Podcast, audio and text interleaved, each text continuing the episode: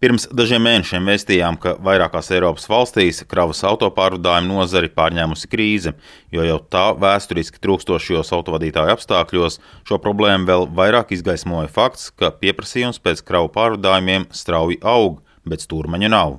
Firmas Heders saimnieks un autopārvadātāju asociācijas padomas priekšsēdētājs Arkādijs Prais toreiz teica, ka šoferu trūkuma un pārvadājumu pieprasījuma dēļ var izvēlēties, kurus pasūtījumus pieņemt tik daudz, ka nevaram atvest uz nepietiek mašinas. Brauc uz Krieviju un uz Eiropu un pa Eiropu, bet nepietiek šoferis, tas ir problēma, kuras stāv. Banki mums iedeva jebkuru kredīti, lūdzu, nu, paņemiet jaunie mašīnu un tam strādājiet, un darbas tieši ir darba tranzītam, jā, bet, nu, nav šoferus, nepietiek. Man katru dienu zvana cilvēki, es ņemu tikai to darbu, kas man patīk, ne tā kā ņemam jebkuru. Tagad viņa teiktu apliecina arī skaitļi. Pērn Latvijā bija par 7% vairāk reģistrētu kravu pārvadātāju nekā 2019. gadā pirms pandēmijas. Tāpat arvien vairāk tika izsniegti transporta līdzekļu vadītāju atestāti šoferiem no trešajām valstīm. Autotransporta direkcijas starptautisko autopārvadājumu koordinācijas daļas vadītāja Indra Gromule secina, ka kravu nozarē uz riteņiem gads bijis labs.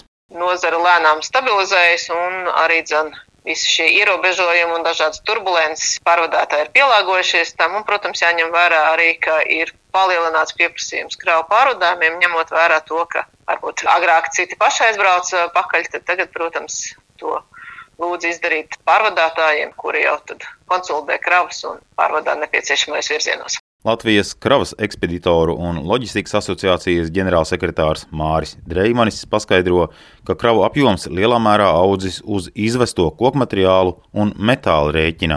Eksportā tas varētu būt koka pieaugums ar koku saistītām kravām, un uh, arī metāls diezgan daudz tiek vests. Importā vienmēr ir bijušas daudz kravas, bet arī, jā, cilvēki iespējams saistīts ar covid, mazāk ceļo, vairāk ir uz vietas, vairāk būvē, vairāk patērē, un tā varētu būt. Tomēr izmaiņas nozarē visticamāk ieviesīs kārtējie jaunumi tā sauktajā mobilitātes pakotnē, kas ir visas Eiropas Savienības regula kravu pārvadājumiem. Daļa nosacījuma stājās spēkā jau iepriekš, mašīnu šoferiem ļaujot reizi mēnesī atgriezties savā mītnes zemē vai uzņēmuma reģistrācijas valstī. Savukārt 2. februārī stāsies spēkā noteikums, ka kompānijām, kas strādā ārvalstīs, saviem autovadītājiem jāmaksā ne mazāk par minimālo algu valstī, kurā viņš tajā brīdī strādā.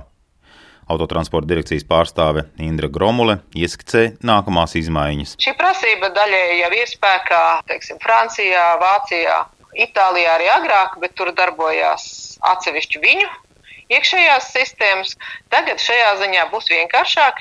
Eiropas Savienībā būs tāda vienota IMI platforma, kur pārvadātājs latviešu valodā varēs iesniegt deklarāciju par katru valstu atsevišķi, kur viņa šoferis strādā un veids pārvadājumus. Savukārt no 21. februāra būs spēkā noteikums, ka transporta līdzeklim vismaz reizi astoņās nedēļās ir jāatgriežas valstī, kur reģistrēts uzņēmums. Protams, tas radīs gan papildus nobraukto kilometrāžu, gan arī papildus izmešus. Tas nekādā veidā nesekmēs šī zaļā kursa virzību. Un otra lieta ir arī stāsies spēkā jaunas papildu prasības, ja veids kabatāžas pārvadājums, tas ir tad, ja, piemēram, iekrauj Vācijā vienā vietā un turpat arī Vācijā otrā vietā izkrauj. Būs jauns ierobežojums spēkā, ka četras dienas Vācijā kabatāžu neikt nevarēs. Tas ir tāds papildus ierobežojums, lai uh, izslēgtu šo iespēju, ka faktiski kabatāžu veids diezgan regulāri katru nedēļu iebrauc, atved kaut ko un tiek noņemts darbs vietējiem pārvadātājiem. Kravas ekspeditoru un loģistikas asociācijas ģenerālsekretārs Māris Dreimans uzsver,